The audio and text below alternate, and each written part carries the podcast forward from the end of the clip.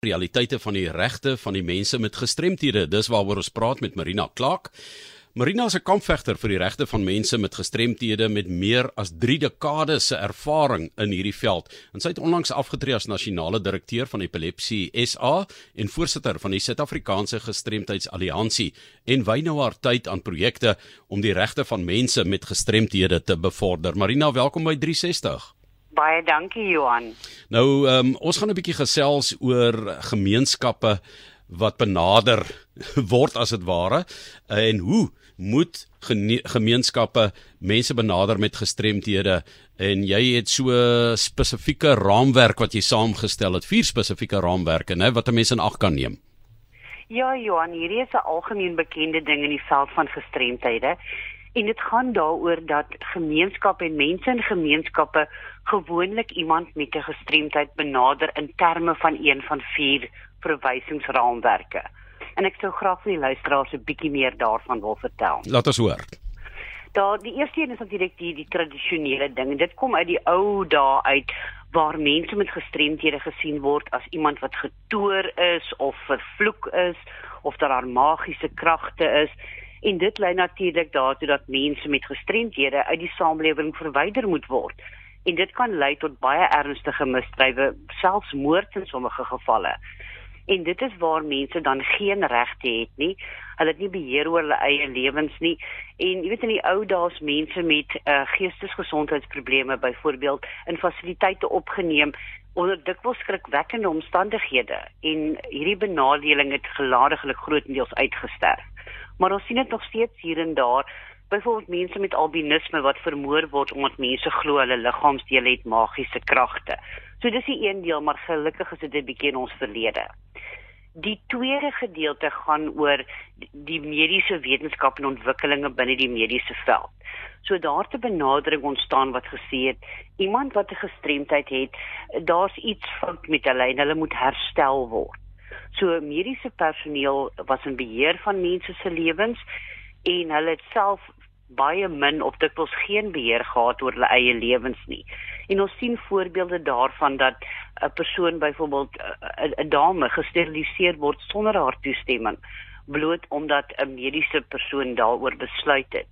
So weer eens is daar baie min toegang tot die regte wat mense met gestremthede het maar soos tyd verbygegaan het, het ons by die Verenigde Nasies se konvensie gekry oor die regte van mense met gestremthede en Suid-Afrika het hierdie konvensie ondersteun en geratifiseer. So dit is deel van wat ons in Suid-Afrika doen en moet doen. Dit gee erkenning aan mense se regte, persone met gestremthede en die konvensie bepaal dat die gestremdheid nie in die persoon lê nie, maar in die hindernisse wat mense ervaar. En dit kan wees byvoorbeeld die fisiese omgewing. Daar is nie toegang tot 'n gebou nie of daar's nie toeganklike parkering of toiletfasiliteite nie. Dit kan ook gaan oor toegang tot inligting waar daar 'n gebrek is aan gebaretaal of brail iets wat inligting in 'n toeganklike formaat beskikbaar stel aan mense. En dan die grootste probleem is die houding wat mense, die optrede van mense in die gemeenskap teenoor 'n persoon met 'n gestremdheid, dat daardie persoon anders hanteer word en anders benader word as ander mense.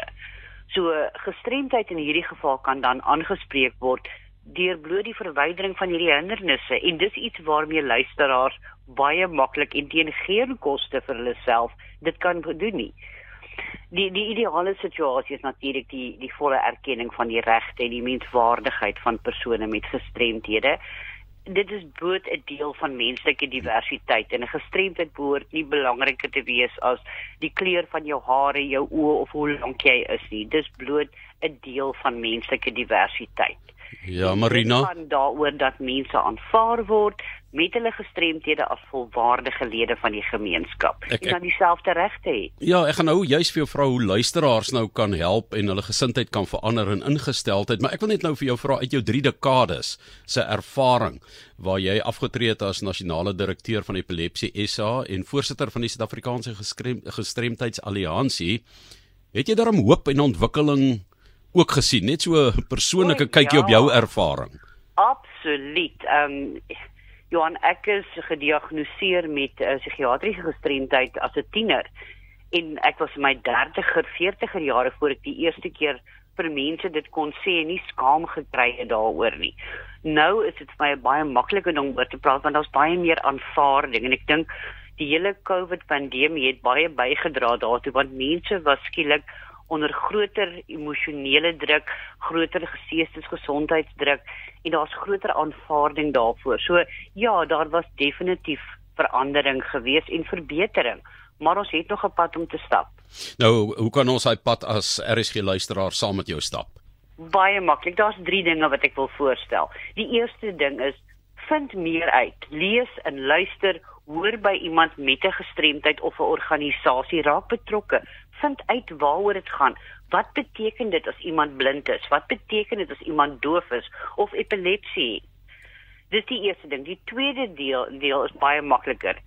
sien die mens en nie die gestremdheid nie. Dit is hoekom hoekom ons verwys na persone met gestremthede om die persoon voorop te stel en die gestremdheid as 'n sekondêre saak. So twee dinge wat mense maklik kan doen en dan die derde ding is baie keer is mense onseker hoe om 'n situasie te hanteer of hoe om om te gaan met iemand met 'n gestremdheid. Vra die persoon. Weet 'n persoon wat blind is, weet hulle is blind. Dis nie 'n verrassing vir hulle nie. So jy kan maklik vra, hoorie, het jy hulp nodig? Kan ek jou help?